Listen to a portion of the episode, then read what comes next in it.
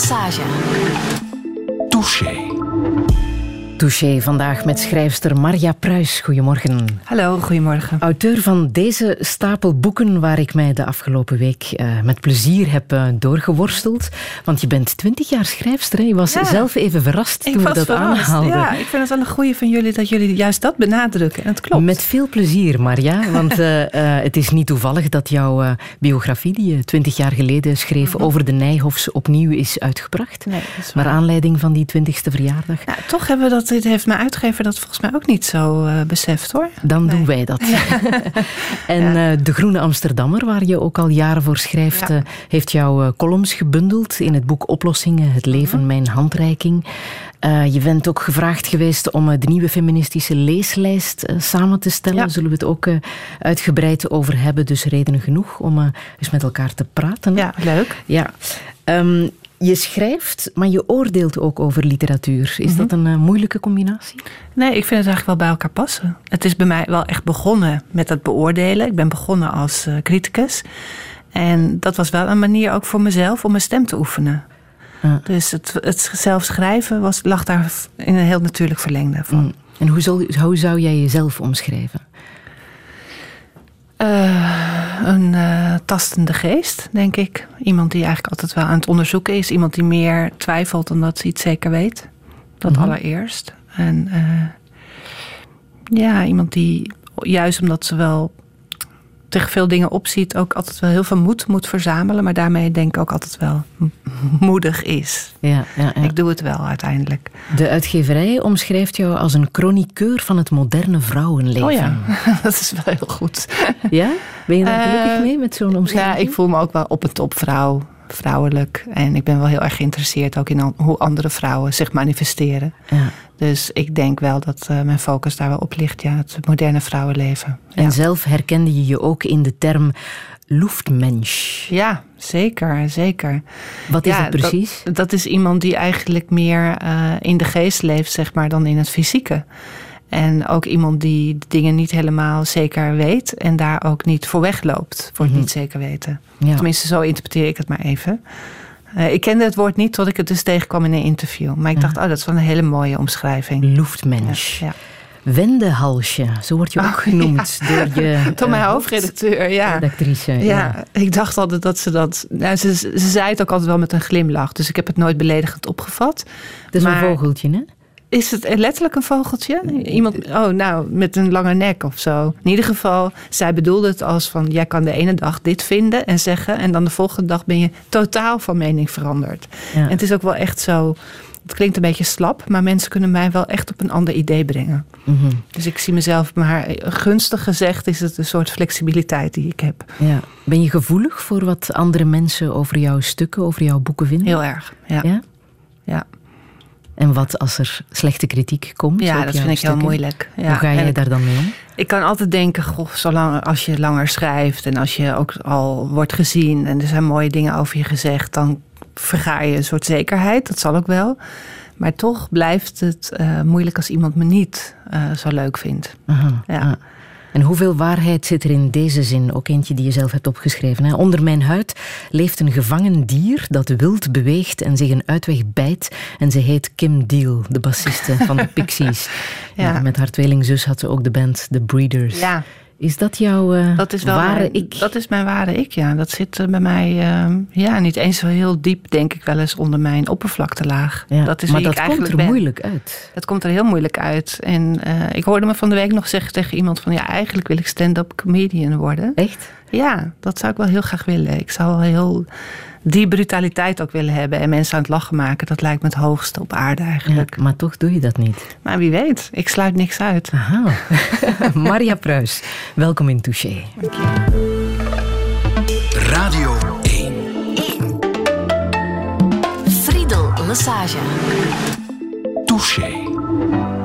Shine bright like a diamond. Shine bright like a diamond.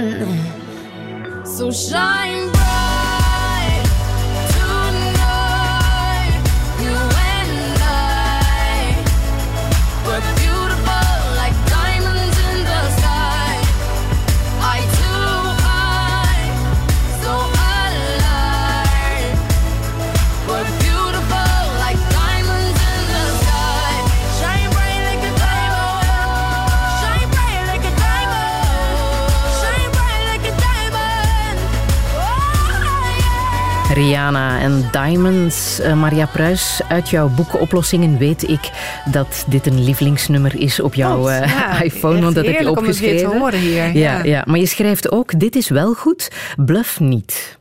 Je vindt bluff dus niet goed. Oh, bluff, ja. Nee, dat eh, is een soort.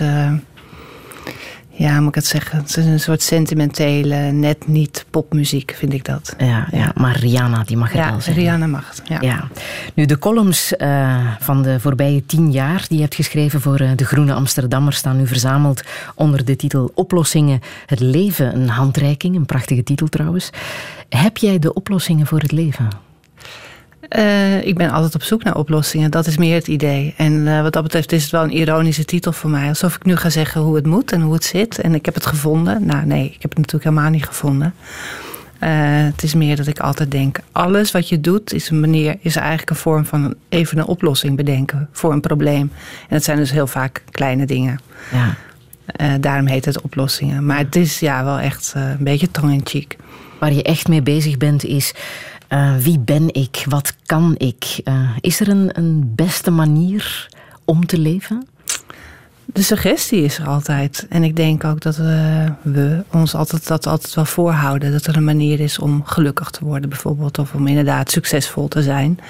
En dat eh, je je ook wel heel erg gek kunt laten maken daardoor. Dat zie je ook wel in de populariteit van heel veel zelfhulpboeken. En daar lijkt mijn titel ook een beetje op. Alsof ik het nu die handreiking ga geven. Ehm, ik denk niet dat er een beste manier is. Nee, ik eh, denk dat iedereen eh, eigenlijk op zijn eigen manier er het beste van probeert te maken. Dat dat, ja, het klinkt kleiner, maar het, het, is niet, het hoeft niet een, eh, een noodoplossing te zijn. Of Is het al een goede manier om jezelf niet te sparen? Om eh, jezelf recht in de ogen te kijken? Ik lees misschien een paar zinnen uit Mhm. eh, het boek dat je hebt geschreven. Je schrijft zelf, ik kan niet autorijden, ik kan de weg niet vinden. Ik spreek mijn talen niet, ik ben bang om in zee te gaan. Zonder kaasschaaf ben ik niks. Wijn drink ik met draaidop. Kijken naar de slimste mens helpt ook al niet. Waarom weten vrouwen zo weinig van de wereld? Na één ronde liggen ze eruit, uitzonderingen daar gelaten. Dat ben jij. Ja, dat ben ik. Ja, ja ik eh, vind dat er wel altijd eh, veel obstakels zijn gewoon in het leven. En misschien is het een manier ook om inderdaad mezelf ervan te verlossen door het allemaal maar op te schrijven. Alsof het een soort bezwering is. Ik schaam me er niet voor, maar ja, ik schaam me er natuurlijk wel een beetje voor. En als je het zo achter elkaar opleest, denk ik, oh ja, voor hetzelfde geld klinkt dat koket. Weet je wel, van ik, dom vrouw, onwetend. Ik heb ook best wel vaak van die briefjes ondertekend die ik dan op de keukentafel neerleg voor mijn man. Zo van, eh, dit en dat lukt me niet. Weet je wel, dan is het echt eh, bij wijze van spreken de tv aanzet, ik zeg maar wat. En dan onderteken ik dat ook met ik, dom vrouw, onwetend. En dat is niet erg. ja, ja. Ik vind het, ja... Ik heb er best wel vaak discussies toch over, ook met uh, vriendinnen. Ik heb wel vriendinnen die vinden dat ik meer, of dat je meer als vrouw de eer aan jezelf moet houden. En dat je meer moet kunnen. En niet altijd maar vragen dat iemand anders, een man, het voor je opknapt. Mhm. En ik ben er wel, denk ik, langzaam achter gekomen dat ik daar eigenlijk niet zo mee zit om hulp te vragen. En uh, ik denk dat mensen ook wel vinden: oh, je hebt het wel goed geregeld. Er zijn altijd wel mannen in jouw omgeving die het voor je doen. Mm en, en vind je het makkelijker om het op te schrijven dan, dan het woordelijk te zeggen? Ja, ik vind sowieso opschrijven. Alles, alles wat je kunt schrijven is makkelijker dan zeggen. Ik zal dit nooit, wat jij nu hebt voorgelezen, zal ik nooit zo zeggen. Ja. Maar als ik het zo allemaal achter elkaar zeg, dan wordt het een soort litanie. En dan zit er ook een soort zelfspot in, hoop ik. Ik hoop dat je dat erin ziet. En uh, dan is het ook niet erg meer. Ja. Maar is het leven moeilijk? Ja, ik vind, ik vind het leven heel moeilijk. Dat kan ik gewoon zonder meer zeggen. Maar ik denk ook wel soms dat ik denk dat het leven moeilijk is. Ik denk altijd dat het moeilijker is. Ik had net nog, ik kwam hier met een taxi naartoe en dat de taxichauffeur aan mij vraagt. Uh, niet waar het VRT-gebouw was, maar wel welk VRT, welk VRT-adres. En toen dacht ik echt van, goh, ik ga er altijd maar vanuit dat andere mensen gewoon weten waar iets is. Maar die weten het ook niet. En die vragen het dan gewoon. En dan moet Ja. ik het ook gaan opzoeken. Dus ik, ja, ik, ik denk vaak misschien dat andere mensen het ook wel moeilijk vinden. Maar dat ik denk dat andere mensen het makkelijk afgaat. Ja. En dat opzoeken is ook niet erg, hè?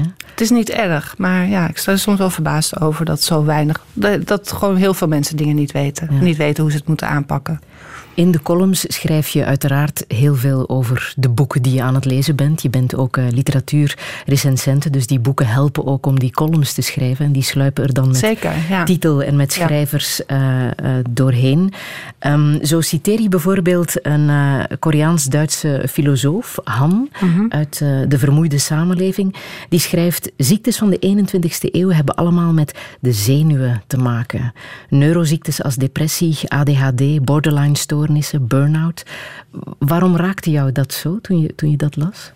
Ja, ik had hem uh, uh, opgezocht omdat ik bezig was met uh, nadenken over opruimen. Ik wilde zelf opruimen. En nou ja, zoals vast hier in België ook, het Marie Kondo was echt zo'n soort hype. Weet je echt wel, een zelfhulpboek, hè? Ja, dus echt een zelfhulpboek. En dat was ik dus ook aan het bestuderen. En ik dacht van, goh, dat is toch wel gek dat je daar zo van in de bank kunt raken. En dat je jezelf ook helemaal gek kunt maken met het idee, ik moet de boel op orde hebben. En er is ook ja, niks zo zenuwslopend als dat je het gevoel hebt dat je wordt overgenomen door de spullen. Ja. En dat uh, als je chaos om je heen hebt, dat het wel lijkt alsof die chaos dan ook overslaat op je hoofd.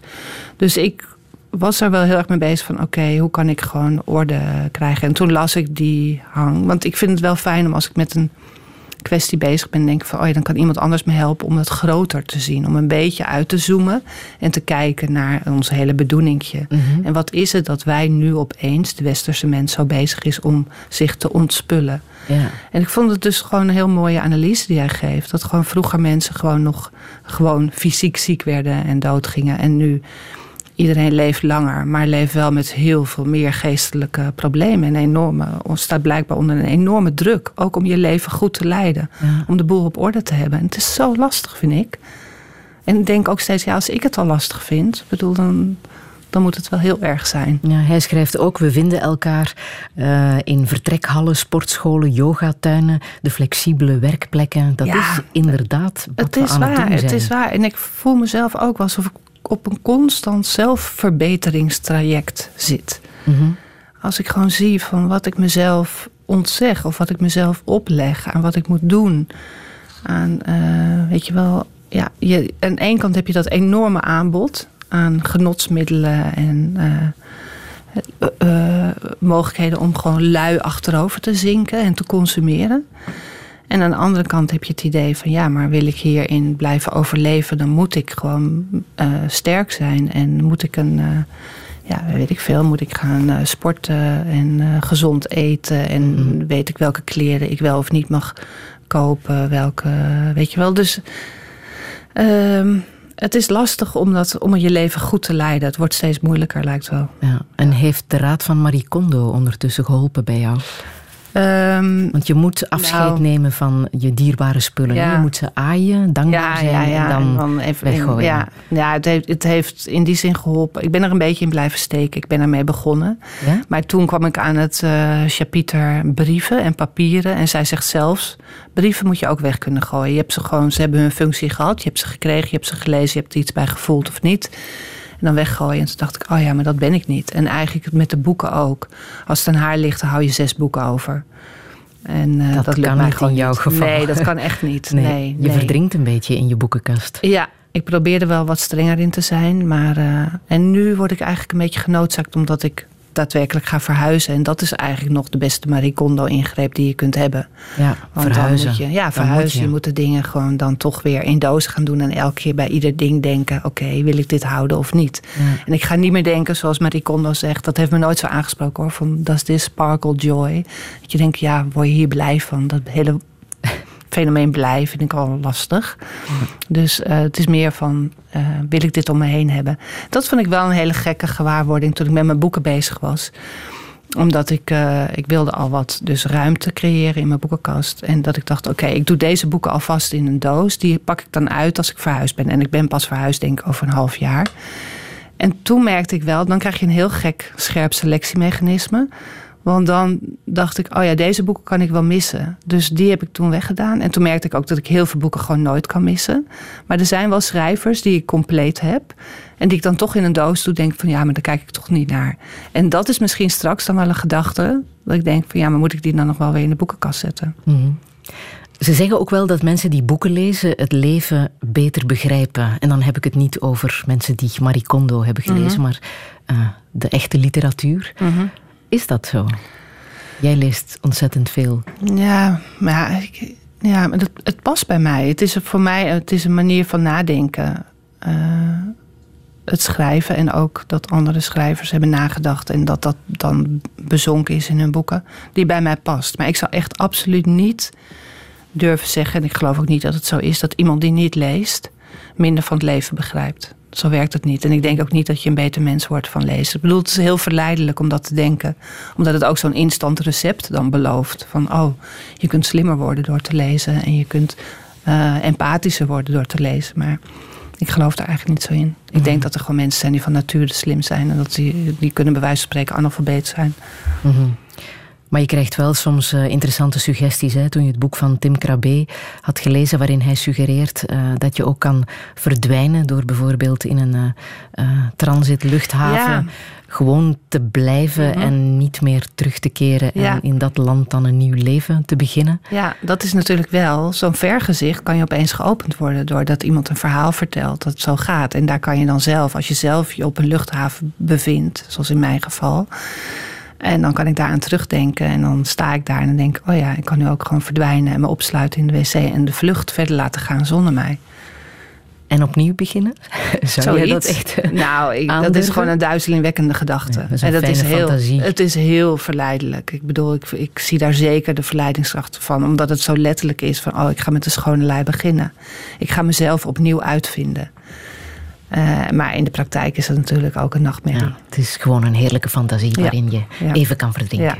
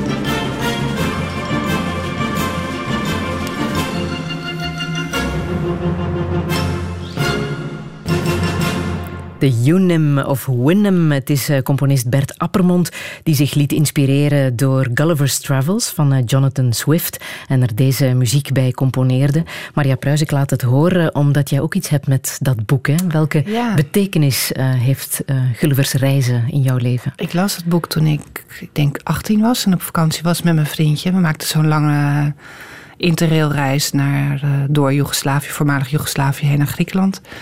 En ehm, dit was zo'n boek, dat is altijd bij me gebleven, omdat hij beschrijft op een gegeven moment... Kijk, ik kende het als kinderverhaal, maar dan lees je een beetje ingedikte versie. Dus dan lees je Gulliver, die, die reist naar de kleine mensen, naar de reuzen.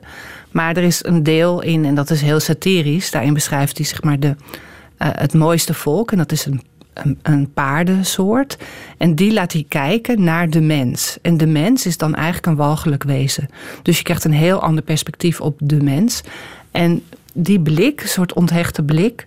die zit zo sterk in het boek... dat het eigenlijk altijd wel iets is wat in me opkomt... Als ik, eh, vooral als ik een beetje somber ben of zo. Dat ik denk, goh, de mens is eigenlijk zo'n... Ja, als je even helemaal probeert opnieuw te kijken naar wat de mens is... dan is de mens eigenlijk best ehm, vies of zo. Of Ja. onaantrekkelijk. Uh-huh. En eh, eigenlijk ook iets heel simpels, wat zich elke keer maar moet voeden, wat brandstof moet krijgen, wat met z'n allen zich aan de toog verzamelt en zich vol laat lopen. En dan weer moet gaan slapen. En eigenlijk heel armzalig. Mhm. Was dit ook het begin van jouw grote liefde voor literatuur, dit boek? Nee, maar het begin, dat is een ander belangrijk boek voor mij geweest, is Kaas van Willem Elschot. Dat las Mhm. ik toen ik 14 of 15 was. En dat las ik omdat mijn leraar Nederlands daarmee aan kwam zetten. En we lazen toen echt in de klas, weet je wel, dat je zo'n uurtje had dat je allemaal gewoon rechtop in de schoolbank gewoon een boek aan het lezen was. En ik moest er zo om lachen dat iedereen aan me vroeg van, jee, wat ben jij aan het lezen? En dat was voor mij echt een magische kennismaking met wat literatuur kon zijn. Dus dat je kon schrijven vanuit een, het perspectief van een man van middelbare leeftijd... die niets met mij te maken had, die in een ander land woonde... en die een handel had in kaas. En dat ik, dat ik daar zo geëmotioneerd en eh, ja, dus op een positieve manier ook geëmotioneerd door raakte... dat ik er zo om moest lachen. Ja. En wat voor meisje was je? Eh, ik was heel erg een meisje, meisje met lang, lang haar, wat zich het liefst verschool ook achter het haar. En tegelijkertijd wilde ik wel gewoon altijd de beste zijn.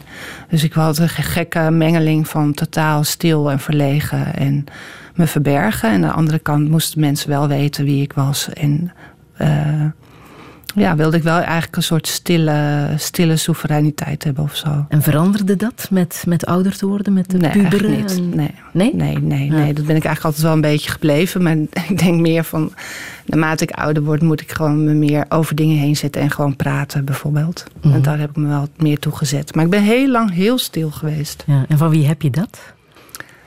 Ehm, nou, ik kom best wel uit een gezin. Mijn vader die zei bijvoorbeeld best vaak: wij zijn goede luisteraars. Ik bedoel, ik wist wel al van jongs af aan dat op zich luisteren of zwijgen een deugd was. En spreken moest je je wel zien te verwerven. Het was niet heel vanzelfsprekend bijvoorbeeld om verhalen te vertellen. Eh, en eh, kijk, mijn vader, dat, ik, ja, ik kan zeggen het was een rustig iemand. Ik zou eerder zeggen dat het een rustig iemand was dan dat het een stil iemand was. Mijn moeder kwam er eigenlijk na het overlijden van mijn vader meer achter dat mijn moeder wat prateriger was dan ze zich, denk ik, heel lang voor deed. En ook grappiger Mhm. en wat feller of zo. Mhm. Maar ze hadden weinig met literatuur. Ja, eigenlijk niet, niet veel, nee. Nee. nee. Ze lazen wel, maar ze lazen in mijn ogen, of daar kwam ik later achter. Ik bedoel, ik heb ook hun hele boekenkast gelezen, gewoon uit pure honger.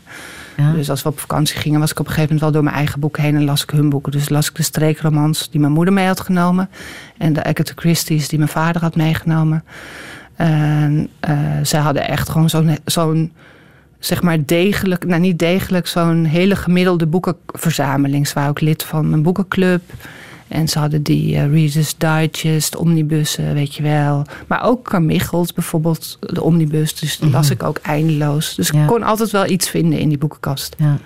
Je hebt gewacht om te schrijven, om professioneel te schrijven, tot je vader was gestorven. Ja, ik was wel al eh, een beetje begonnen bij De Groene. Maar dat waren dan meer beschouwende stukken over biografieën en zo.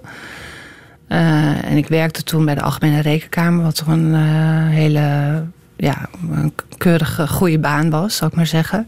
Een beetje En- het eh, rekenhof. Ja, Rekenhof. ons, ik ben ja. ook toen in, in die tijd ben ik ook op bezoek geweest bij- hier bij de Rekenhof. Hier in Brussel, ja. Ja. En hebben we geluncht hier met onze Belgische collega's. Ehm, en dat was gewoon voor mij meer een school van het leven. Het was echt na de universiteit dat ik opeens eh terecht kwam op zo'n hoog college van staat. En eh, merkte wat het was om te werken voor iemand, om taken te, te doen en om met hiërarchie om te gaan en om de telefoon te pakken en op de deur van kamers te kloppen en naar binnen te gaan. Dus ik heb er ongelooflijk veel geleerd. Ik ben ook, heb heel veel mijn verlegenheid moeten overwinnen. Ook omdat ik redacteur was en te maken had met specialisten, onderzoekers.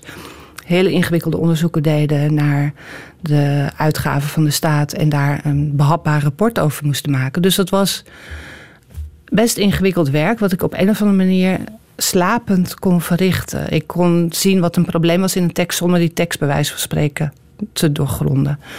Eh, maar goed, eh, dat deed ik dus. En ik wilde gewoon schrijven. Maar mijn vader die hechtte heel erg aan het werk wat ik deed. En die zei ook altijd tegen me van... Goh, het is een goede baan, maar. En het is verstandig als je daar eh, werkt. En weet je, dus ik, ik had heel veel schroom om daar een punt achter te zetten. En toen hij overleed, ja, dat was gewoon het, het grootste drama. Maar ook een soort van... eh, toch een soort bevrijding, zou je kunnen zeggen. Dat Mhm. ik dacht, ik voelde in ieder geval zijn ogen niet meer direct op me gericht. En ik dacht, ik kan een sprong maken. Mm, het was een positieve bevrijding. Ja, maar ik weet ook nog wel dat een, iemand, een, een collega van mij, me daar ook over iets schreef. Een kaartje. Zo van, nou, je komt er vast achter dat je, dat je meer kunt dan je, dan je, dan je denkt. Zoiets. En, en toen dacht ik wel, oh, wat lelijk om dat zo te schrijven. Dus ik zeg het nu ook eigenlijk met aarzeling. Ja, want hij zou allicht bijzonder trots zijn Ja, geweest. dat denk ik ook. Ja, Ja, want je had Ja. een hele goede band. Ja, nee, daarom. Dus het is ook. Misschien heb ik het zelf in mijn hoofd gehaald. Ik weet het niet zeker. Maar zo voelde het wel. En het hele idee dat mijn vader zou lezen wat ik schrijf. Wat, dat eh, Ja. vond ik toch een ondraaglijke gedachte. Ja. Heeft jouw moeder kunnen genieten van wat jij hebt Ja, geschreven? zeker. Ja, die was ook heel trots. En Ja. ja. ja, die moest ook eigenlijk heel erg om lachen. Ja. Eh, en die vond het ook niet erg dat ik bijvoorbeeld grof was. En ik had geen enkele schroom met mijn moeder. Ja. Hoe heb je van haar afscheid genomen? Heel, heel langzaam. Dat was eh, ja, op een andere manier heel pijnlijk. Die heeft eh, Alzheimer gekregen. En daar heeft ze toch zeker, ja, bijna tien jaar, denk ik, is het echt zo langzaam voortgeschreden. En heel moeilijk. Dus het was gewoon op een gegeven moment was eigenlijk mijn moeder niet meer. Terwijl ze herkende mij wel altijd hoor. Maar het was, ik had er absoluut geen gesprek meer mee. En ze zat echt wel weg te kwijnen. Dus het was heel naar. Ja. Wat vond je zelf het moeilijkste? Eh, ik heb met mijn zus daar heel veel over gehad. En mijn zus was daar heel uitgesproken in. Die zei altijd van, goh, kanker is erg. Mijn vader had dus kanker. Maar dementie, dat is echt het allerergst. En dat vond ik... Ik weet het niet. Het was bij mijn vader moeilijk omdat het heel snel ging. Die is tien maanden ziek geweest. En hij was 71. En dacht ik wel van, goh, het was zo'n sterk groot iemand. Dat had helemaal niet gehoeven, bij wijze van spreken. En mijn moeder was gewoon klaar met haar leven.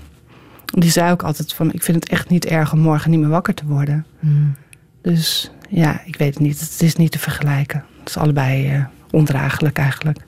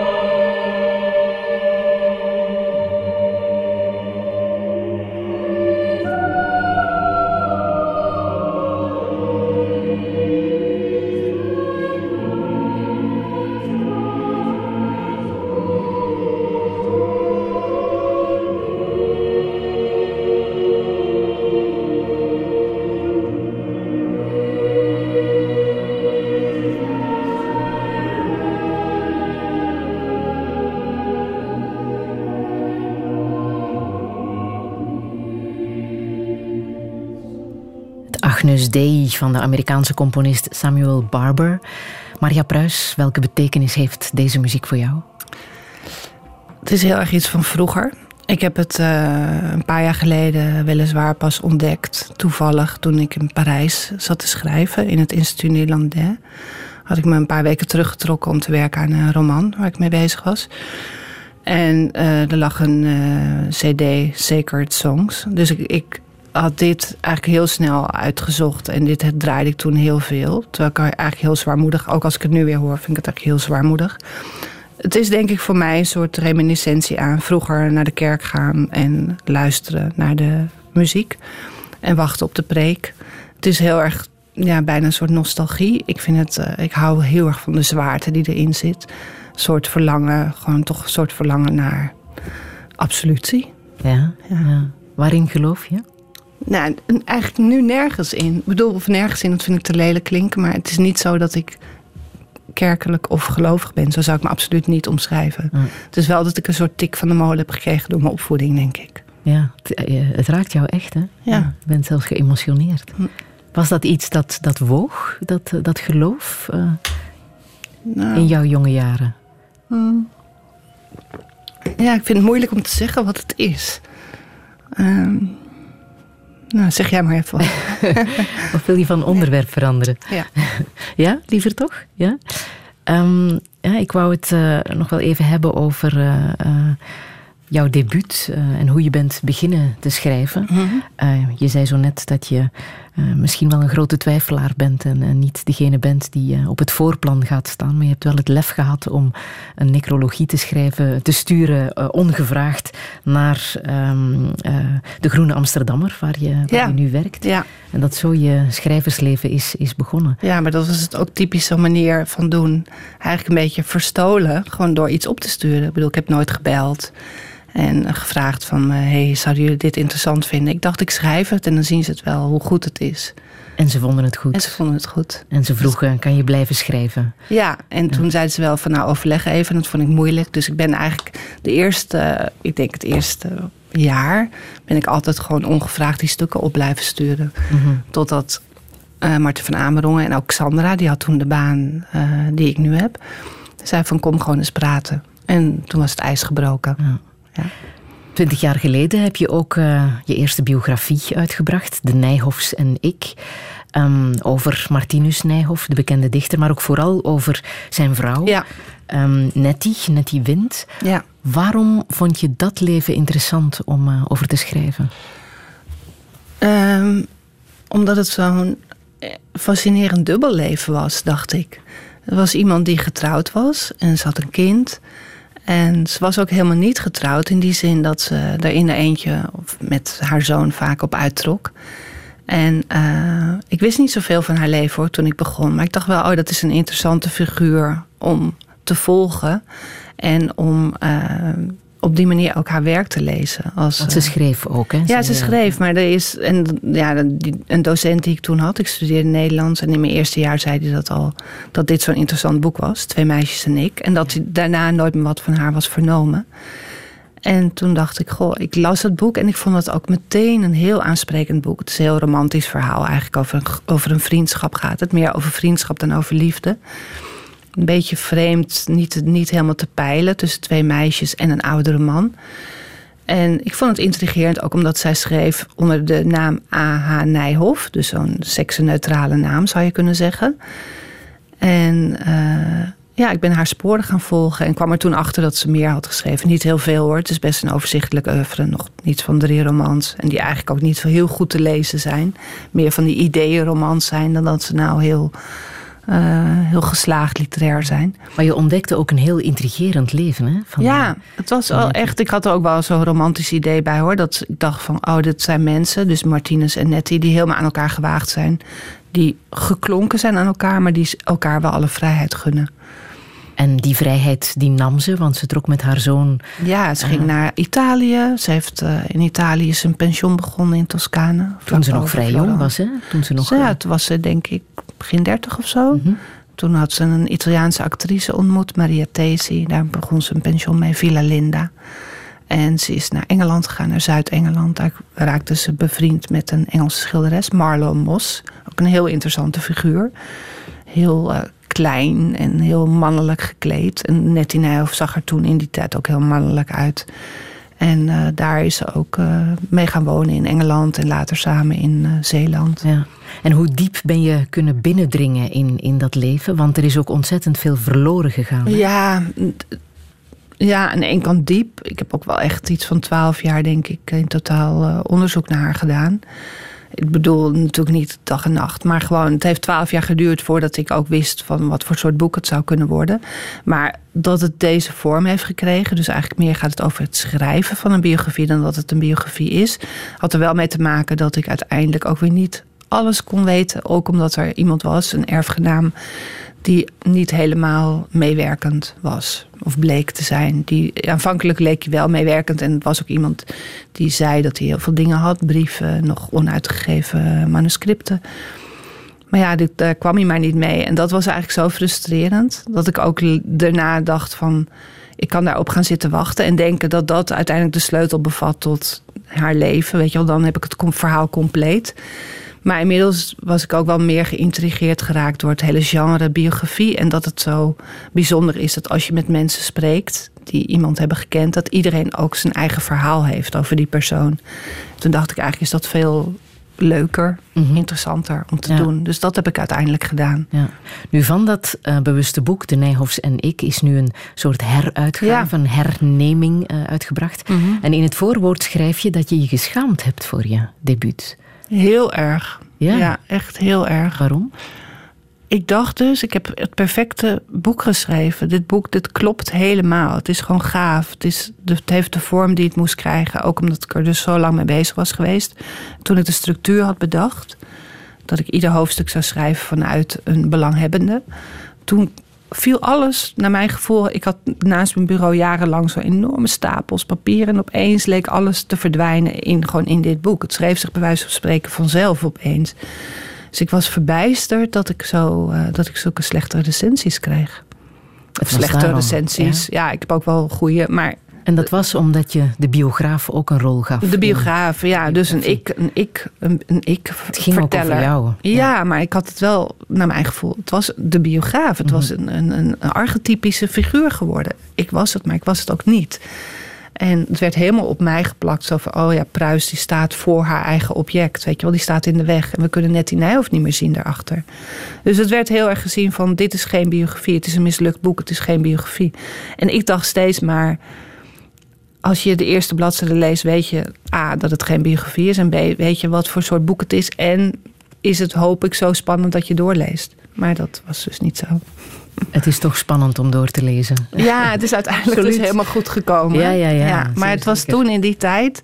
Ja, ik heb wel echt een jaar of zo nodig gehad om daar weer een beetje uh, me rustig over te voelen. Het heeft je gelukkig niet weerhouden om nog eens een biografie te schrijven. Nee, ook nog zoiets. Uh, want later verscheen Als je weg bent, een biografie over de Vlaamse filosoof eh, Patricia de Martelare. Mhm. Dit jaar is het tien jaar geleden dat ze gestorven is aan een agressieve hersentumor. En overmorgen zou ze trouwens 62 zijn geworden. Een bijzondere schrijfster, bijzondere filosoof. Waarom wou je een boek over haar schrijven?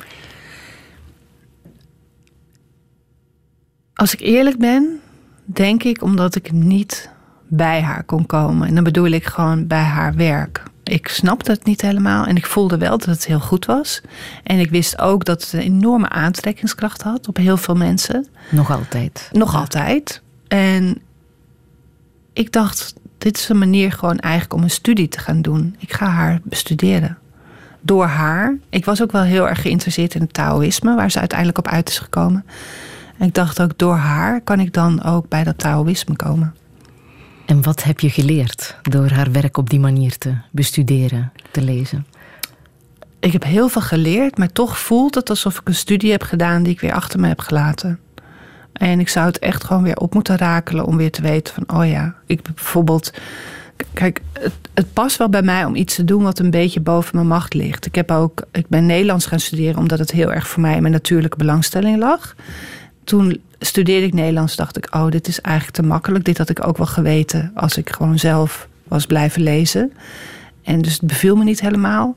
En toen ben ik iets technisch gaan doen wat me eigenlijk niet heel erg interesseerde. Maar wat ik wel dacht, oh ja, maar het is in ieder geval moeilijk. Dus dat was algemene taalwetenschap. Daar was ik heel goed in, ook omdat ik kan gewoon heel goed studeren. En dus ik ben daar goed in afgestudeerd. Maar toen heb ik het ook weer achter me gelaten. En dat met de martelaren eigenlijk ook een beetje het geval. Maar nu klinkt het oneerbiediger dan ik het bedoel hoor. En ik uh, heb er heel veel aan gehad. Maar het blijft, het is niet... Kijk, ik, misschien dat ik zelfs hoogwaardig dacht... dan kan ik er klein krijgen voor mezelf. Maar dat is niet gelukt. Ja.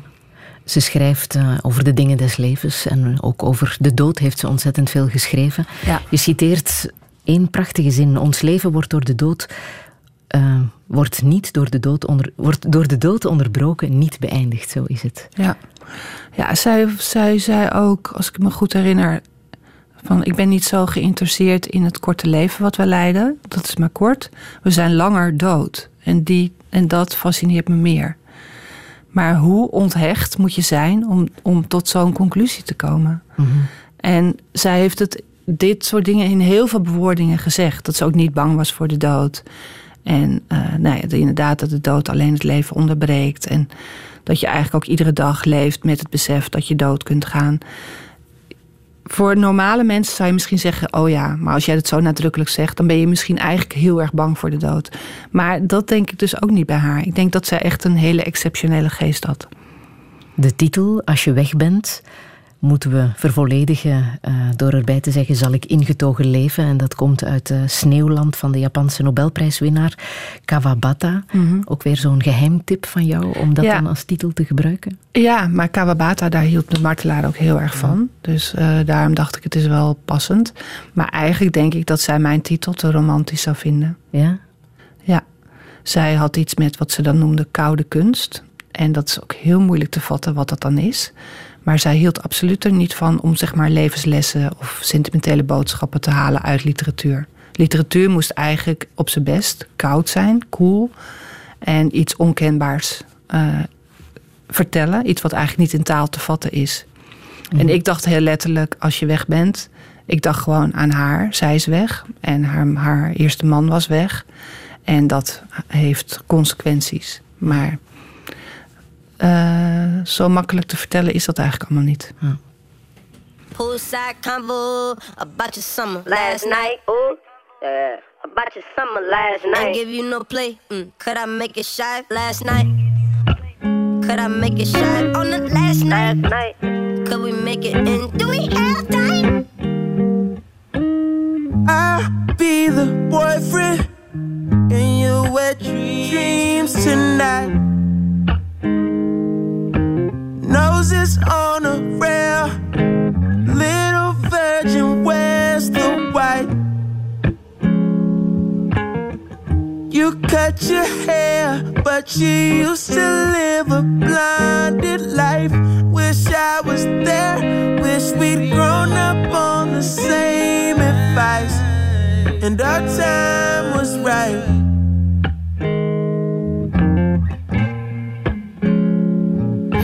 Place for me, for me. I'll sleep between y'all. There's nothing, there's nothing, there's nothing. Keep a place for me, for me. Now and then you miss it. Sounds make you cry. Some nights you dance with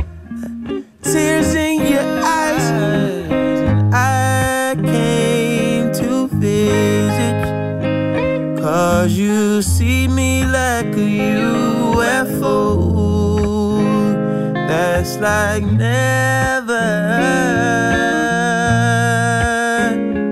Cause I made you your self control.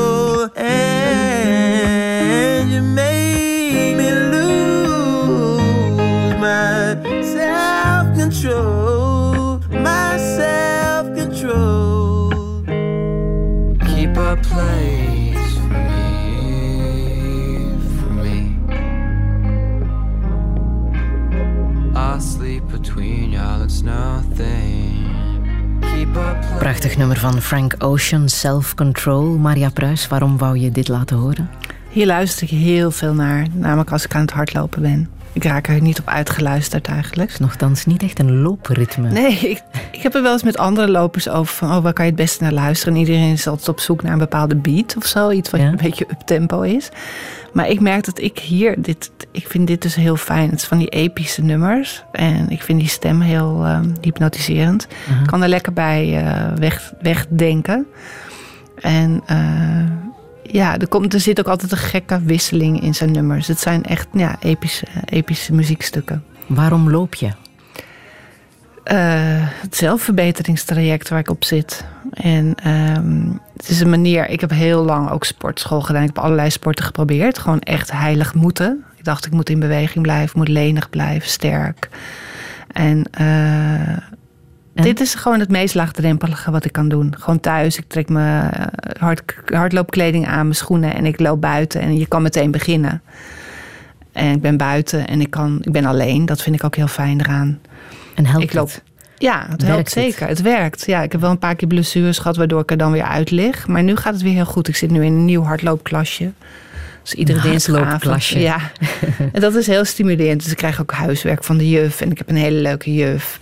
Die ook allemaal de goede dingen tegen me zegt. Die zegt bijvoorbeeld, je bent een tank. dacht ik, oh ja, ik ben een tank. Ik ben dus niet iemand van het versnellen. Ik, ben gewoon, ik heb gewoon een constant tempo. Ja, ja. Dus dat, nee, het werkt heel goed. Ik voel me er heel gezond bij. Loop je ook als je op locatie bent, zoals nu Ja. in Brussel? eh, Had ik kunnen doen. Ik dacht vanochtend nog, oh, het is zo'n lekker knisperige ochtend.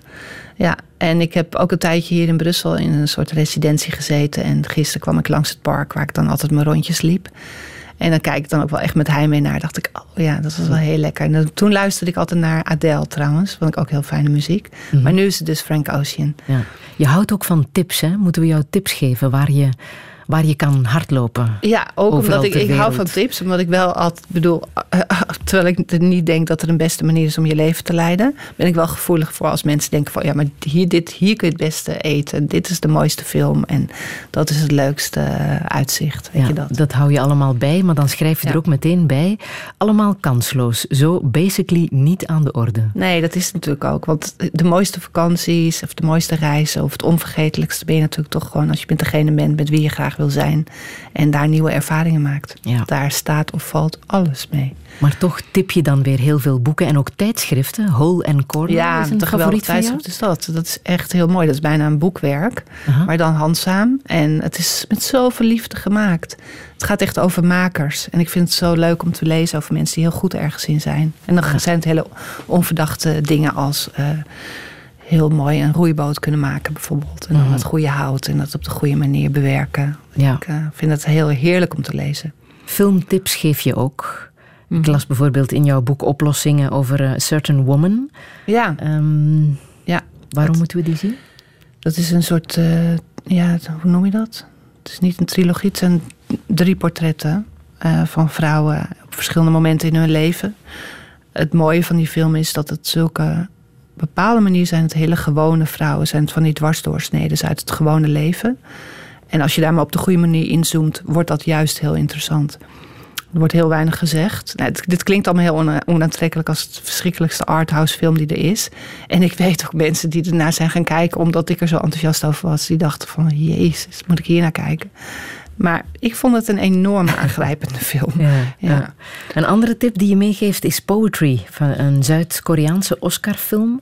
Ja. ehm, over een vrouw met Alzheimer die eh, een poëzieklasje volgt. Ja, dat is zo'n mooie film. Het is echt een hele mooie film. Dat die zoekt naar poëzie en die denkt de hele tijd, zoals ik ook altijd denk, dat de dingen heel verheven zijn. En dat, maar uiteindelijk is alles gewoon dichterbij dan je denkt. En zij, zij schrijft uiteindelijk het beste gedicht. En ze zorgt voor haar kleinzoon. En ze moet erachter komen dat die kleinzoon eigenlijk niet helemaal in de haak is. Dat is ongelooflijk pijnlijk. Mhm. Hele mooie verstilde film. Kan ik iedereen aanraden. En ik laat nog muziek horen uit eh, La Femme d'à côté, een film uit eh, 81 van eh, François Truffaut Mhm. met Gérard Depardieu en eh, Fanny Ardant. Waarom wou je dit aan ons meegeven? Dat is wel echt mijn oerfilm. Ja? Dat is echt de film die gaat over jeugdliefde die nooit overgaat. Over een stel wat elkaar niet vergeet. En die uiteindelijk in een soort fatale eh, ontmoeting weer met elkaar komen. Terwijl ze allebei al een heel ander leven leiden. Het is natuurlijk de ultiem romantische gedachte. dat je ooit lief hebt en dat dat gewoon de liefde is. En dat alles wat erna komt, ja, een soort herhalingsoefening is. Iets herkenbaar voor jou? Ja, maar ik ben wel echt van de jeugdliefde. Dus ik ben ook met degene die eigenlijk wel voor mij ook een soort jeugdliefde, of soort, gewoon jeugdliefde was. Dus wat dat betreft klopt het wel. Ja, en die is blijven duren. Die is blijven duren, Ja. ja.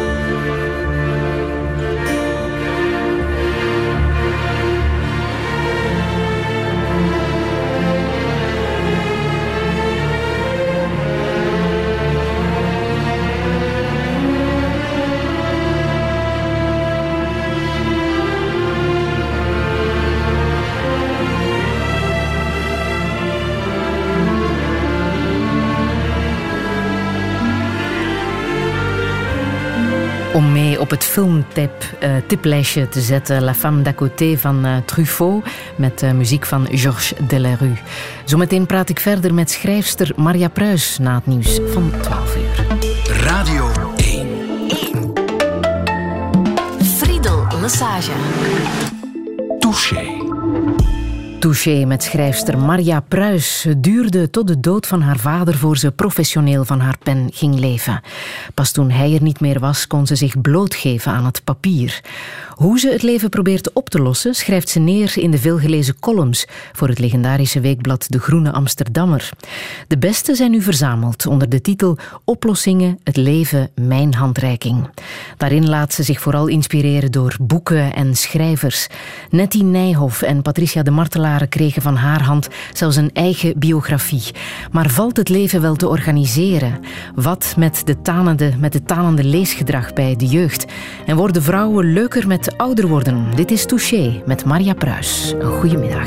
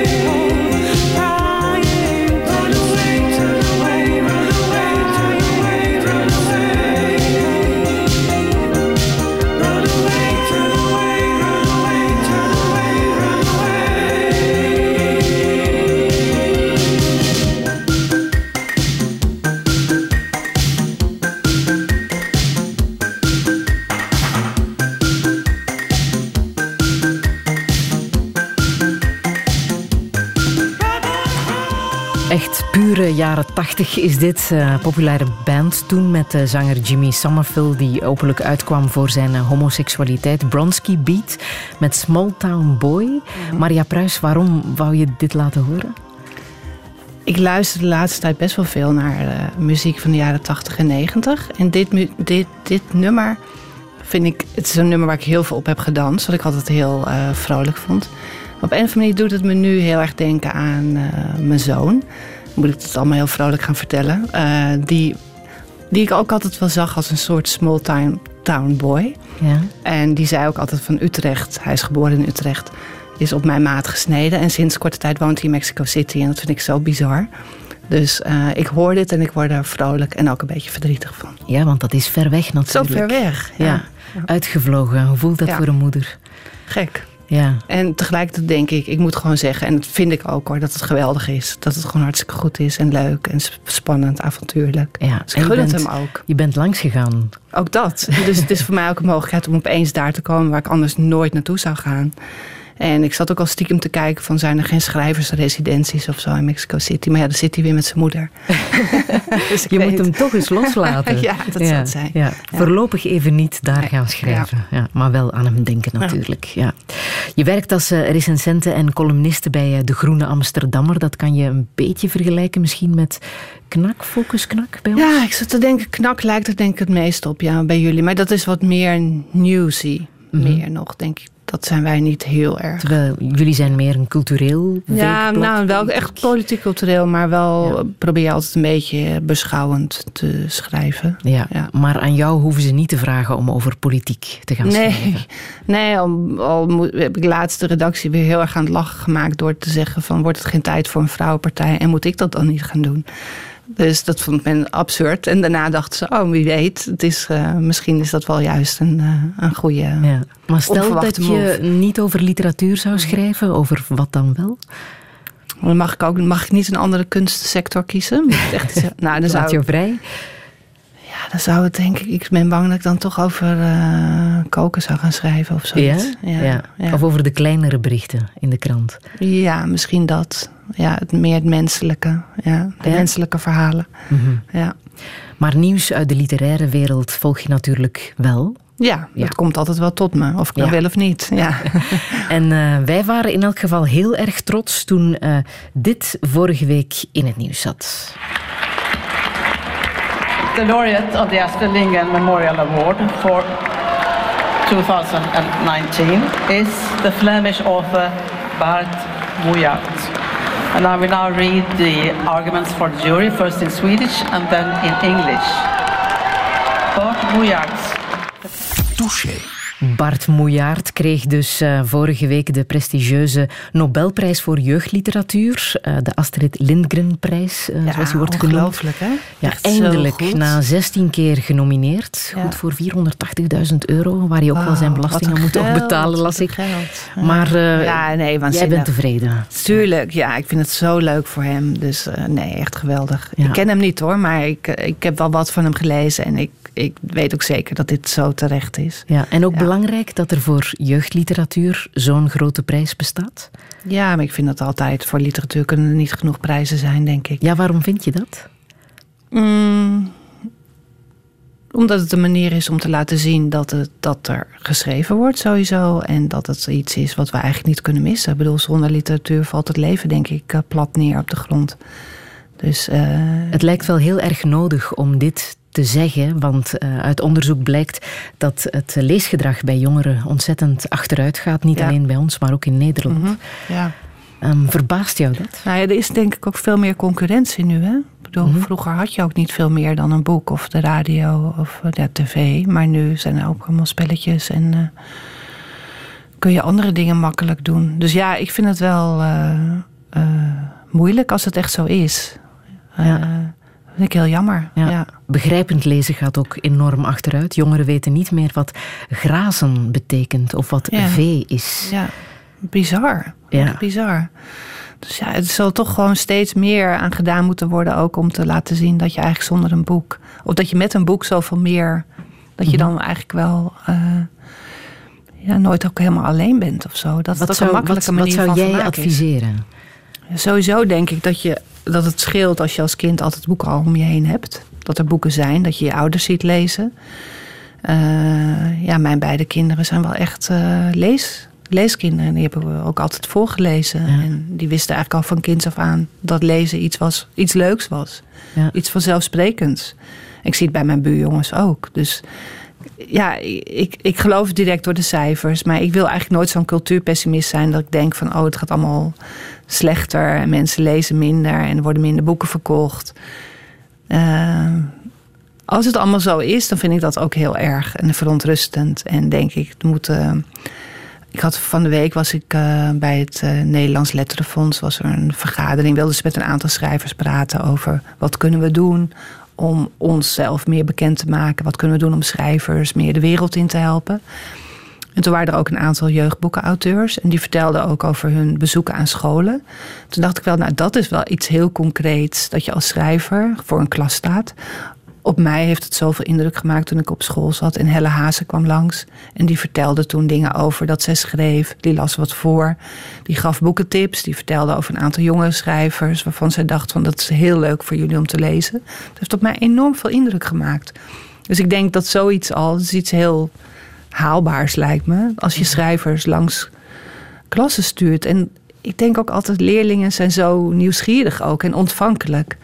En uh, juist als je zo rond de 14, 15 bent, kan het zo fijn zijn om een verwante schrijver te ontdekken. Of de wereld gaat voor je open, letterlijk. Ja, ja.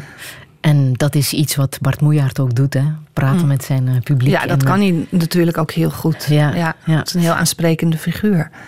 Jullie hebben een lijstje in de Groene Amsterdammer die jullie aan uh, schrijvers voorleggen ja. in de bijlage Dichters en Denkers. Misschien kan dat ook al helpen. Hè? Een van die vragen is: welk boek moet je voor je achttiende zeker hebben gelezen? Ja, ik denk echt zo moeilijk mogelijke boeken ook. Ik geloof heel erg in uh, dat je juist rond je puberteit kun je zoveel aan. Ik heb zelf ook heel veel klassiekers gelezen, juist toen.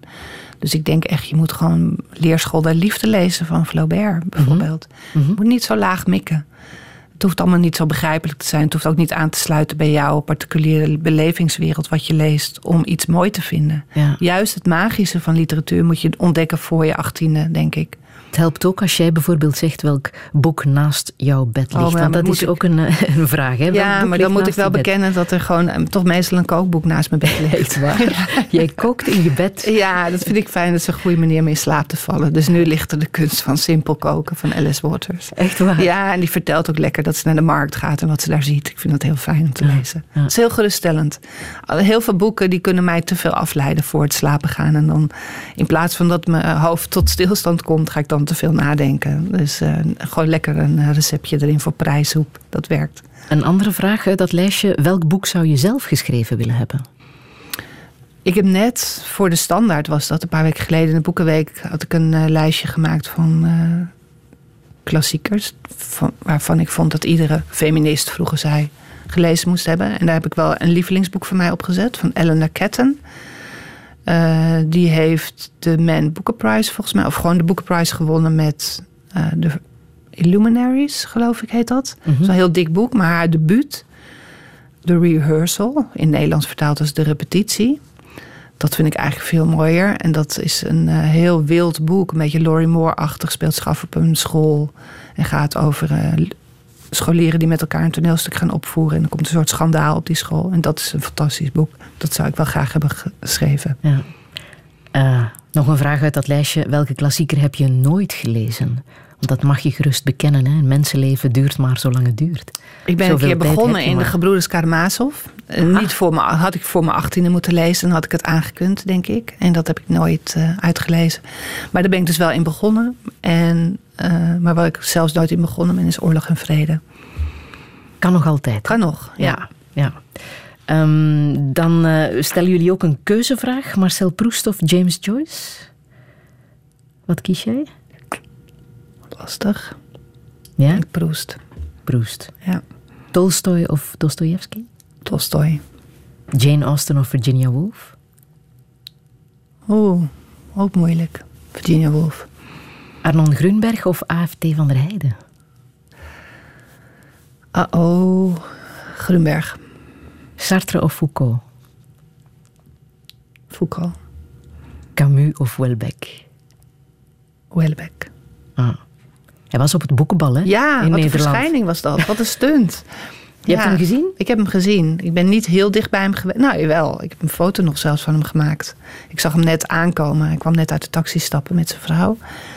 Ja, dat is een heel, heel zorgwekkende verschijning om te zien. Een man die, waarvan je denkt, die kan ieder moment omvallen. Hij is heel mager. Hij ziet er heel slecht en onverzorgd uit.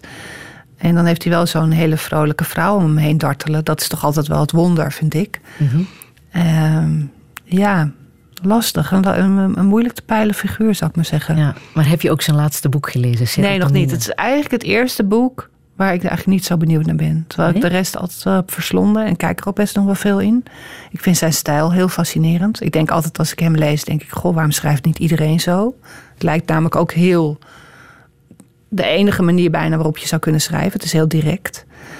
En tegelijkertijd is het gewoon meedogenloos en eh, scherp. Ik hou er heel erg van, van zijn werk. Maar dit, ja, nu denk ik eigenlijk dat ik het wel weet. Mhm.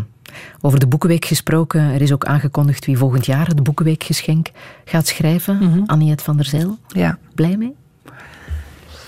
Eh, moet ik even diplomatiek antwoorden. Ik vind haar niet zo'n goede schrijfster eigenlijk. Nee? Nee. Het is een vrouw. Ja, maar ja, ik hoef niet iedere vrouw gelukkig toe te juichen. Nee, laat ik het zo zeggen, ze beheerst haar métier heel goed. Maar het is mijn métier niet. Dat is heel diplomatiek gezegd. Zullen we een plaatje draaien?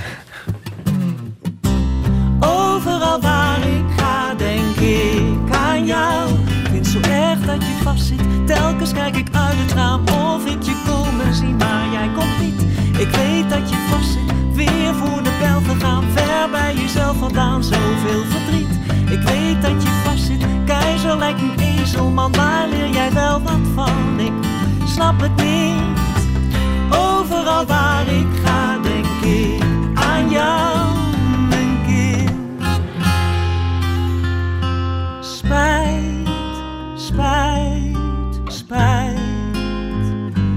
Ja, dat zag ik in je ogen.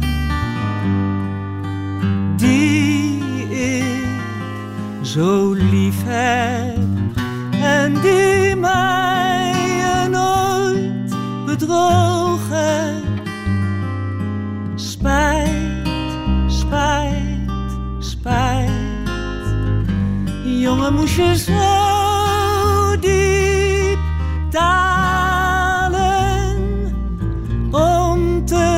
beseffen, nee, niet weer.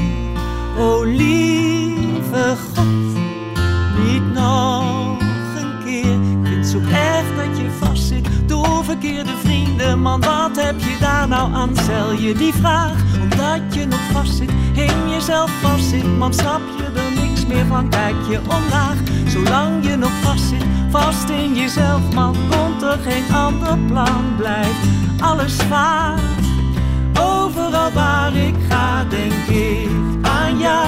Dus zorg dat je loskomt, bevrijd je nou zelf, man. Daar word je beter van, doe dat vandaag. Overal waar ik ga, leef ik met jou, Spijt, spijt, spijt. Ja, dat zijn de mooiste woorden die ik nou die tijd van jouw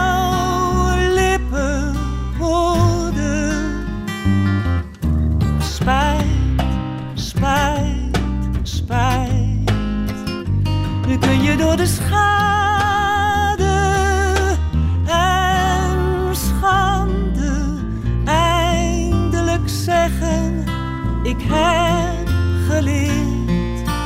Keizer heeft het lot gekeerd. Ik zo blij dat je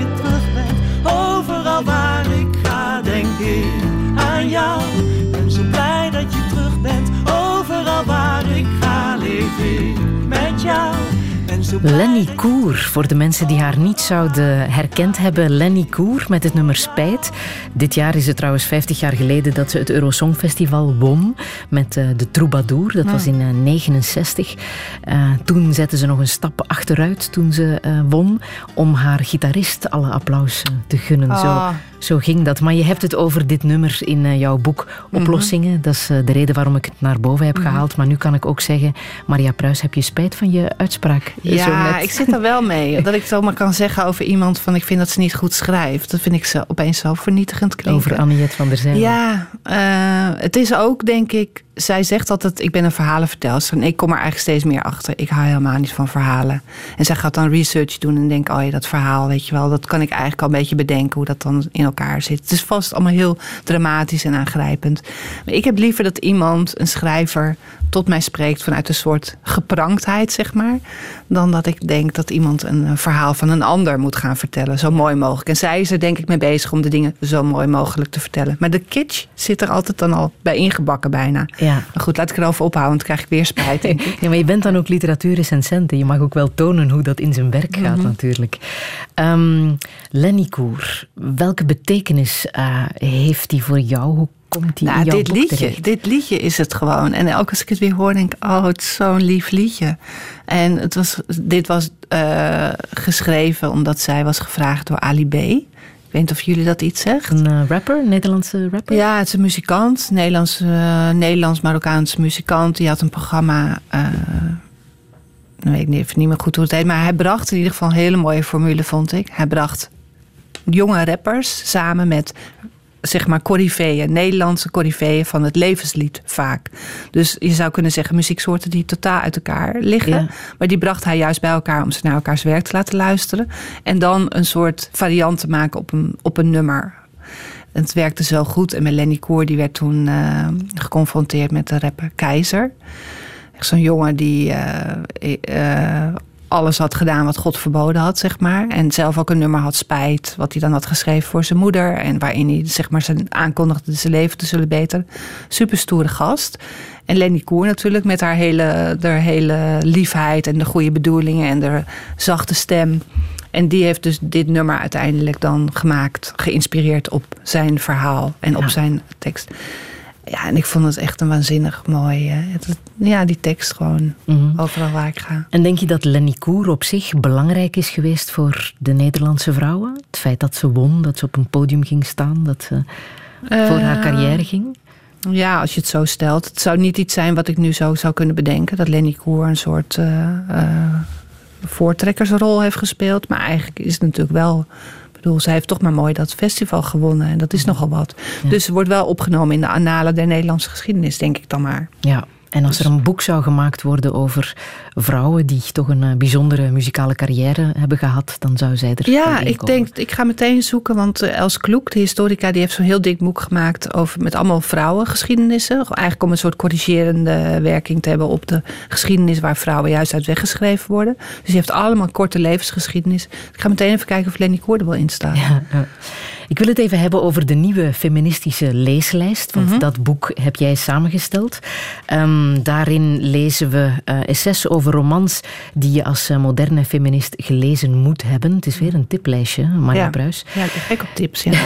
Zelf heb je een stuk geschreven over Simone de Beauvoir, auteur Mhm. van de Tweede Sekse. En eh, bekend natuurlijk over, omwille van haar vierdelige memoires Ja, die je die heb ik weer zelf gelezen, ja. hebt gelezen. Ik stel jou de vraag die jouw ouders nooit hebben gesteld. Waarom de Beauvoir?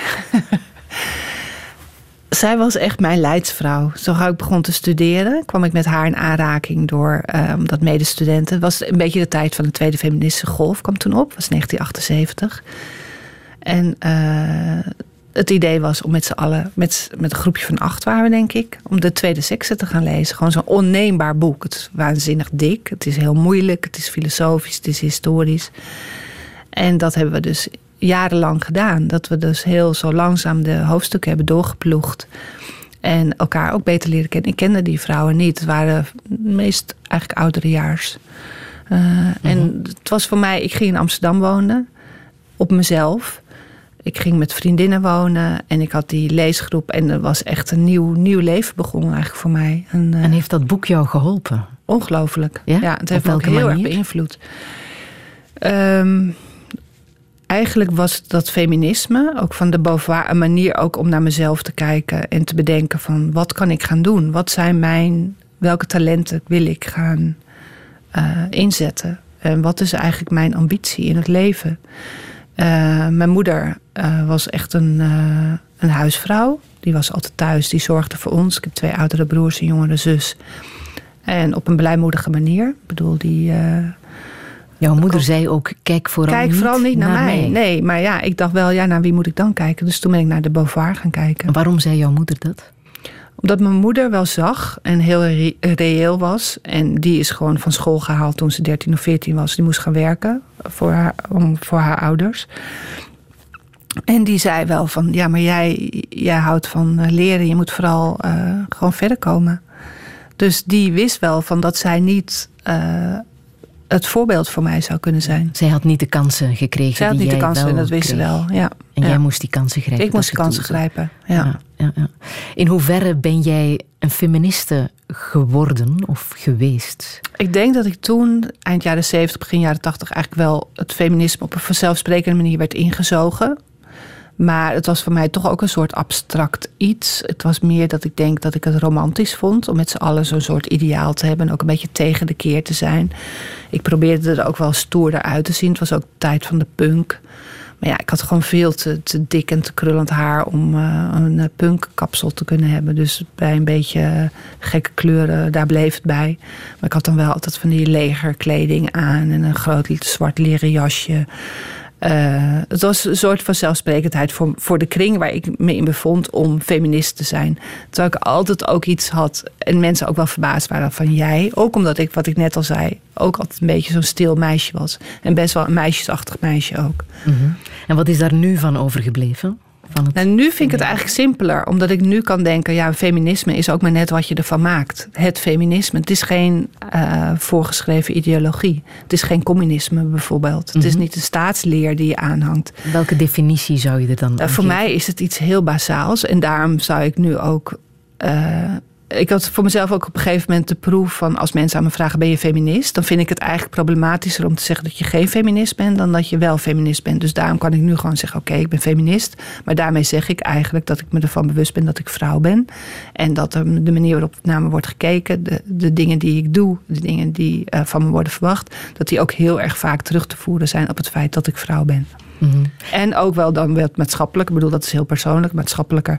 Dat heel veel van de disbalans waar we in zitten... en de lelijkheid en de naarheid van de wereld... wel te maken heeft met een soort ongelijke machtsverhouding tussen man en vrouw. Ja, er is nog werk aan de winkel. Ja, zeker. Ja. Ja. Je schrijft ook in eh, jouw boek Oplossingen. Ik weet niet of het feminisme dood is. Het feminisme is blond, gaat gekleed in strak azuurblauw en houdt zich staande op naaldhakken van 12 centimeter. Ja, hier spreekt natuurlijk de zure, de zure oudere vrouw. Zo wantrouwend.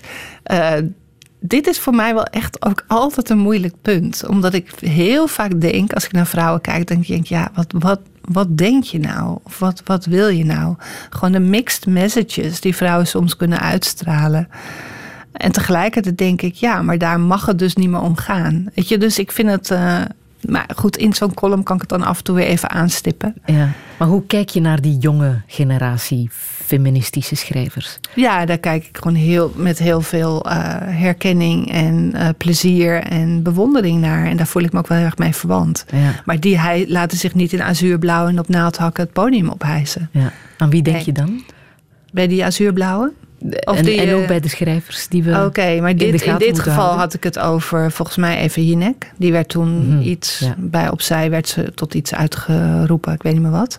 Nederlandse presentatie. Ja, maar goed, even Jinek heeft zich in de loop der jaren ook ontwikkeld. Eigenlijk steeds meer ook tot een soort, uitges of soort tot een uitgesproken feminist. Eh, de jonge schrijfsters, dan denk ik aan eh, Nia Weijers, Nina Polak, Maartje Wortel, Basje Boer. Dat zijn allemaal hele stoere, eh, self-supporting vrouwen die gewoon op een schaamteloze manier plezier durven te hebben en ook ambitieus zijn. En die dat allemaal in zich verenigen. Dat vind ik heel mooi om te zien. Er schijnt een hele mooie glimlach nu je dit zegt Ja. eh, op jouw Ja. gezicht. Ja.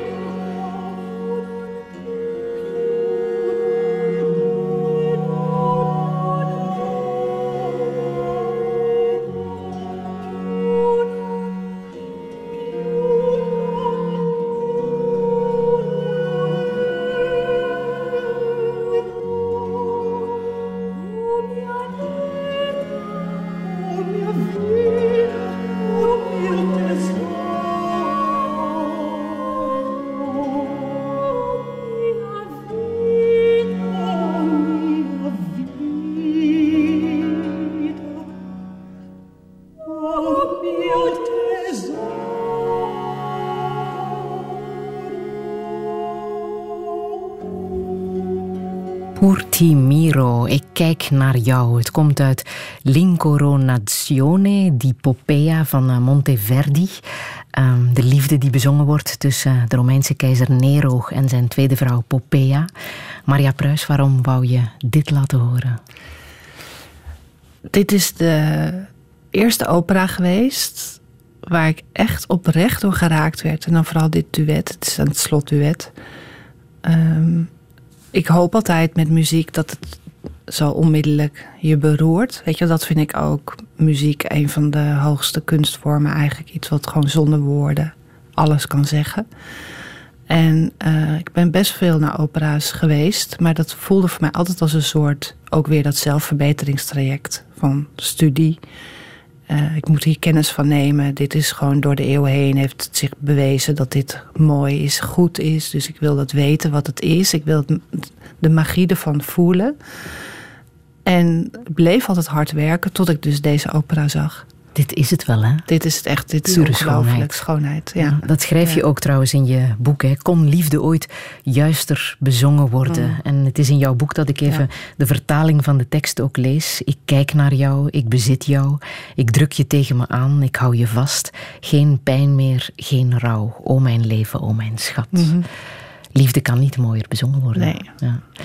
Je noteert ook regelmatig uh, prachtige zinnen over de liefde trouwens in, uh, in oplossingen, omdat het daarover gaat in het leven. De liefde, ja, de liefde is wel alles. Ik heb ook ooit een keer als motto gebruikt voor een van mijn boeken. Dat was uit uh, het boek van Salman Rushdie. als liefde niet alles is, dan is ze niets. En dat is het wel voor mij, ja. Mm. ja. Ik kan er nog een paar aan toevoegen die ik heb genoteerd. Mm Beantwoorden liefde van wie dan ook is het mooiste dat het verder pijnlijke leven te bieden heeft. Mhm. Je hoeft er zelfs niet eens op te antwoorden. Hè. Het is gewoon een prachtige zin. Ja. Een andere uh, die je noteerde, waarom schatten we de liefde pas op waarde als we haar missen? Ja. Is een openingszin. Het is van Jeanette Winterson. Ja. Roman. Ja. ja. Die had je zelf willen schrijven. Had ik ook zelf willen schrijven. Dat vind ik zo goed begin ook van een boek. Alles staat meteen op scherp. Ja. Ja. Waarom schatten we de liefde pas op waarde als we haar missen? Ja, ik denk ook dat je veel dingen, liefde, vertrouwen voor vanzelfsprekend houdt. Mhm. En dat je het pas merkt dat, je dat, dat als het weg is, dat, het, dat, je, dat er iets weg is, dat je het mist. Liefde is ook vaak lijden. Ja. Freud citeer je daarin. Waar we onder lijden zijn alle methodes die we hebben ontwikkeld om lijden te vermijden. Ja, ja. ja. Was dat een inzicht voor jou? Um, ja, omdat je natuurlijk. Of, ja, ik, het is iets heel menselijks om het pijnlijk op afstand te willen houden. En te denken ook dat dat mogelijk is.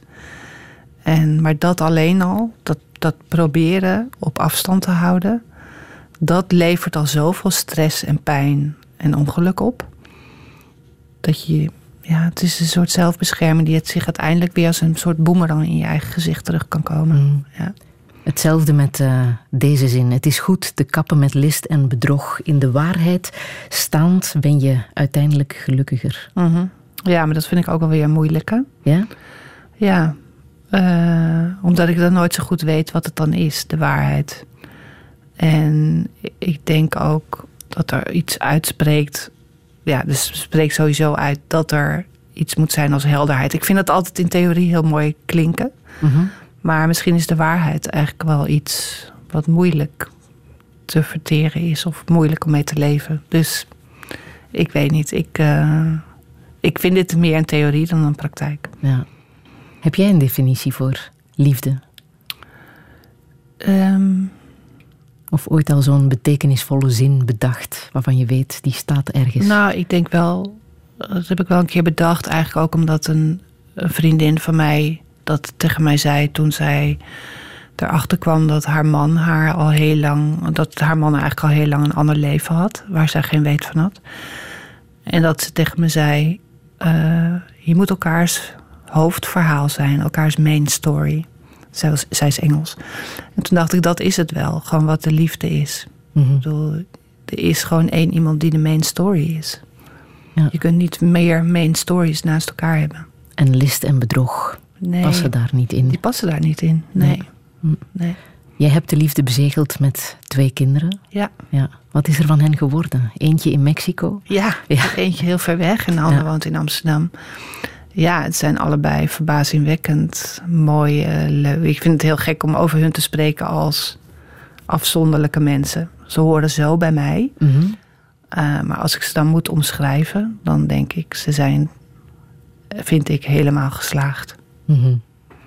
Ja. Kan je alleen maar trots op zijn als moeder. Ongelooflijk, ja. ja. Terwijl toen je uh, voor het eerst moeder werd, vond je het vreemd dat er um, geen inspectie langskwam om te controleren of je dat eigenlijk wel kon, moeder ja, worden. ik vond het zo'n gekke gewaarwording dat ik ook dacht, oh, maar dat heeft iedereen dus die een baby krijgt. Die mag die baby ook zomaar houden. En hoe weet je dat iemand goed ervoor zorgt? Ook omdat je weet hoe groot het ook is en hoe levend. En opeens is het daar, iets wat je niet kent. Dus ik vond het bijna gewoon gek. Dus ja, ik dacht van, oh, maar dan is dus iedereen, iedere baby zomaar overgeleverd aan de toevallige omgeving waar die in terechtkomt. Ik vond het zo'n griezelige gedachte. Ja. Ik vind het eigenlijk nog steeds best wel griezelig. Wat vond jouw man daarvan dat je dat zo opschreef? Ja, dat weet ik niet zo goed. Uh, we hebben het hier niet in concreet over gehad. Ik kan me nog wel heel goed herinneren dat ik. Uh, we maakten natuurlijk heel veel foto's van haar. En dat ik die op een gegeven moment inplakte en er iets onder schreef. En dat hij toen eigenlijk best wel verbolgen reageerde van... Jij maakt gewoon jouw verhaal van. En dat ik dacht, ja, maar hoe moet ik dat anders doen? Weet je, het was dus opeens... We hadden een gezamenlijk kind en opeens leek het mijn kind. En dat blijft altijd best wel gek hoor. Dat uh, mijn dochter, onze dochter. Weet je, dat... Uh, hoe hoe Ja, doe je dat? Hoe Ja. praat je daarover? Ja. En praten jullie daar gescheiden over? Eh, hou je het zo? Ja, denk het. Ja, soms, kijk, er zijn altijd wel mensen in, in onze, in, ga ik ook zeggen, ik vind het bijna vreemd om te zeggen onze, in onze omgeving, die hun allebei kennen en die ons allebei kennen. En dan is het wel snel ons. Ja. Maar meestal is het toch iets wat gewoon afzonderlijk is, ja. Ja. Je noemt je man niet bij naam, hè? Nee, Je hebt er een andere omschrijving voor. De man die me al langer kent van, dan vandaag. ja. Ja. Ga je daar ook voor zorgen, net zoals jouw oom Cor voor zijn vrouw heeft gezorgd? zo belangeloos. Ja, zo mooi. Ja, Wat een prachtig verhaal was dat. Ja, vond je het mooi? Ja, het- maar het- ik heb dat verhaal van oom Cor... die dus heel, een heel moeilijk huwelijk had met een vrouw... die heel veel, eh, die ziekelijk was en die... denk ik heel veel zorg, geestelijke zorg nodig had. En oom Cor die cijferde zich weg. En dat was ook wel echt gewoon... als je hem zag lopen, wist je dat eigenlijk al. Gewoon zo'n man die gebogen door het leven gaat. Ik heb hem geportretteerd wel als iemand, als een, een, een specimen van een, een menssoort wat lijkt te verdwijnen. Namelijk iemand die volkomen toegewijd is. En toewijding is natuurlijk prachtig. Uh, ik hoop ook dat ik dat heb, dat ik dat in huis heb. Maar ik durf het niet met zekerheid te zeggen. Mm, jezelf helemaal wegcijferen ja. ook. Ja. Ja. ja. Voor iets dat ooit grote liefde is geweest. Ja, ja. het is... Uh, ik hoop het. Ik heb het ook bij mijn ouders gezien, hoe mijn moeder dat deed bij mijn vader. En dat vond ik ook echt ongelooflijk. ja.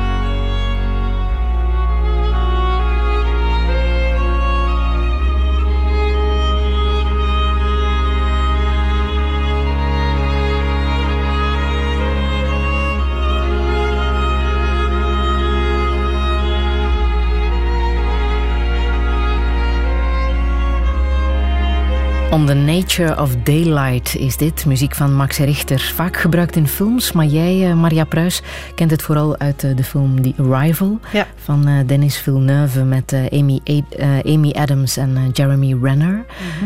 Wat heb je met deze muziek? Ik vind het echt heel mooi, maar het, het past ook wel heel erg bij de film. Die, zeg maar, aan de, de bovenkant is het een film die gaat over de ontmoeting tussen de mens en uh, buitenaardse wezens. Die arriveren.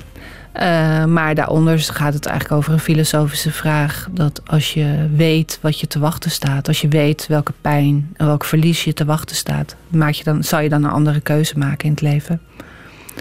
Dus ik vond het een heel mooie film. Het zit heel ingenieus in elkaar. Het is heel zwaar. Het gaat ook over liefde, leven, dood. Ja. Wat zou jij doen als je weet wat er je te wachten staat?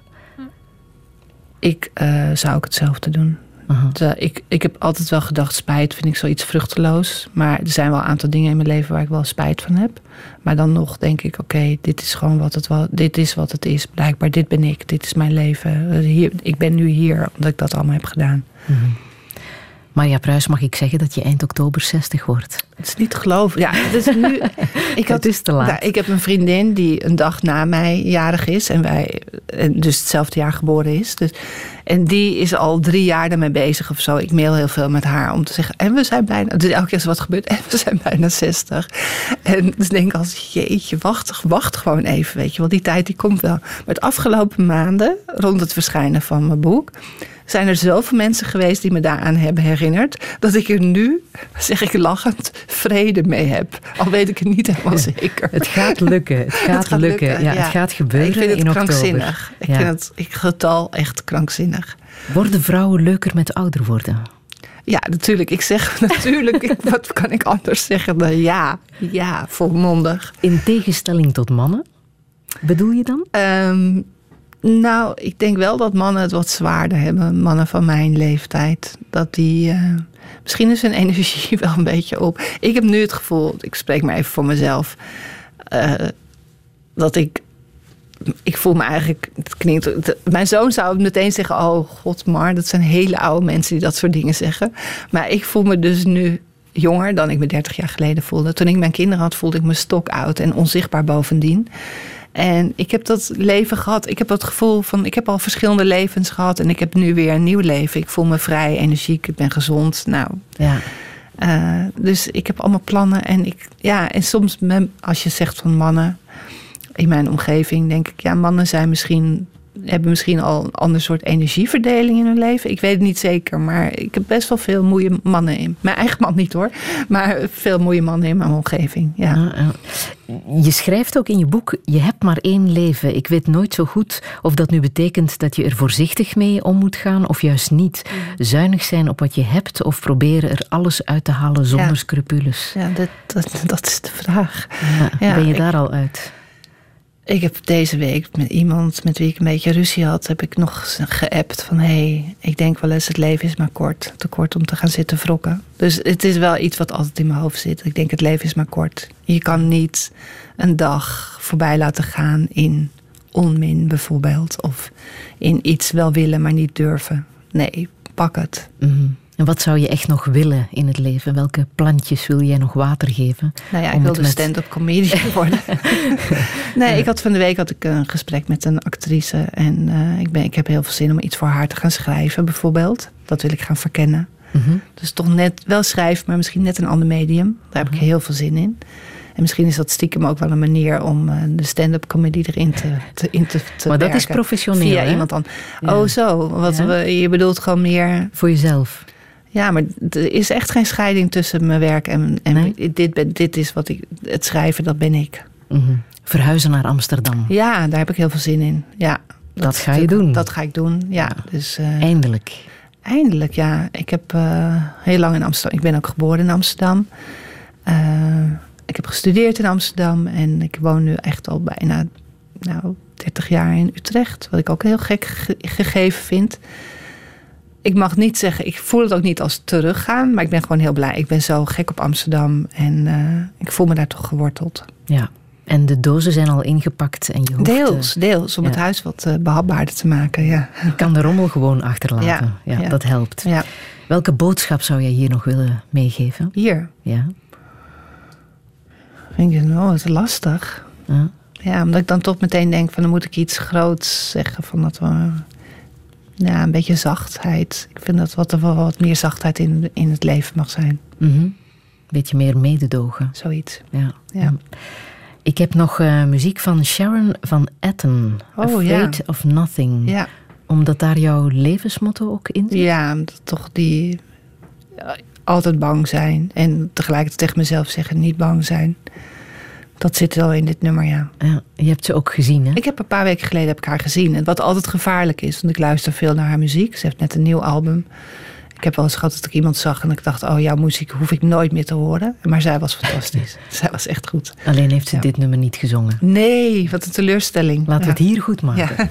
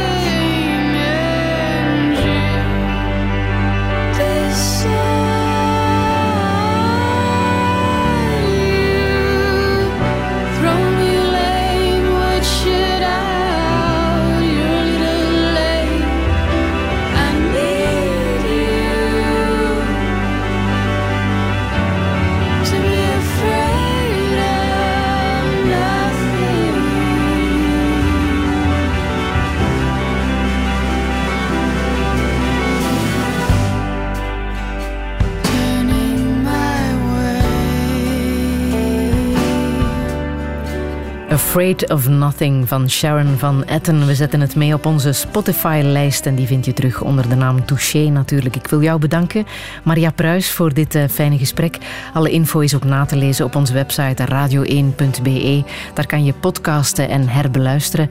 En volgende zondag vieren we hier Pasen met de Nederlandse cabaretier Paul van Vliet.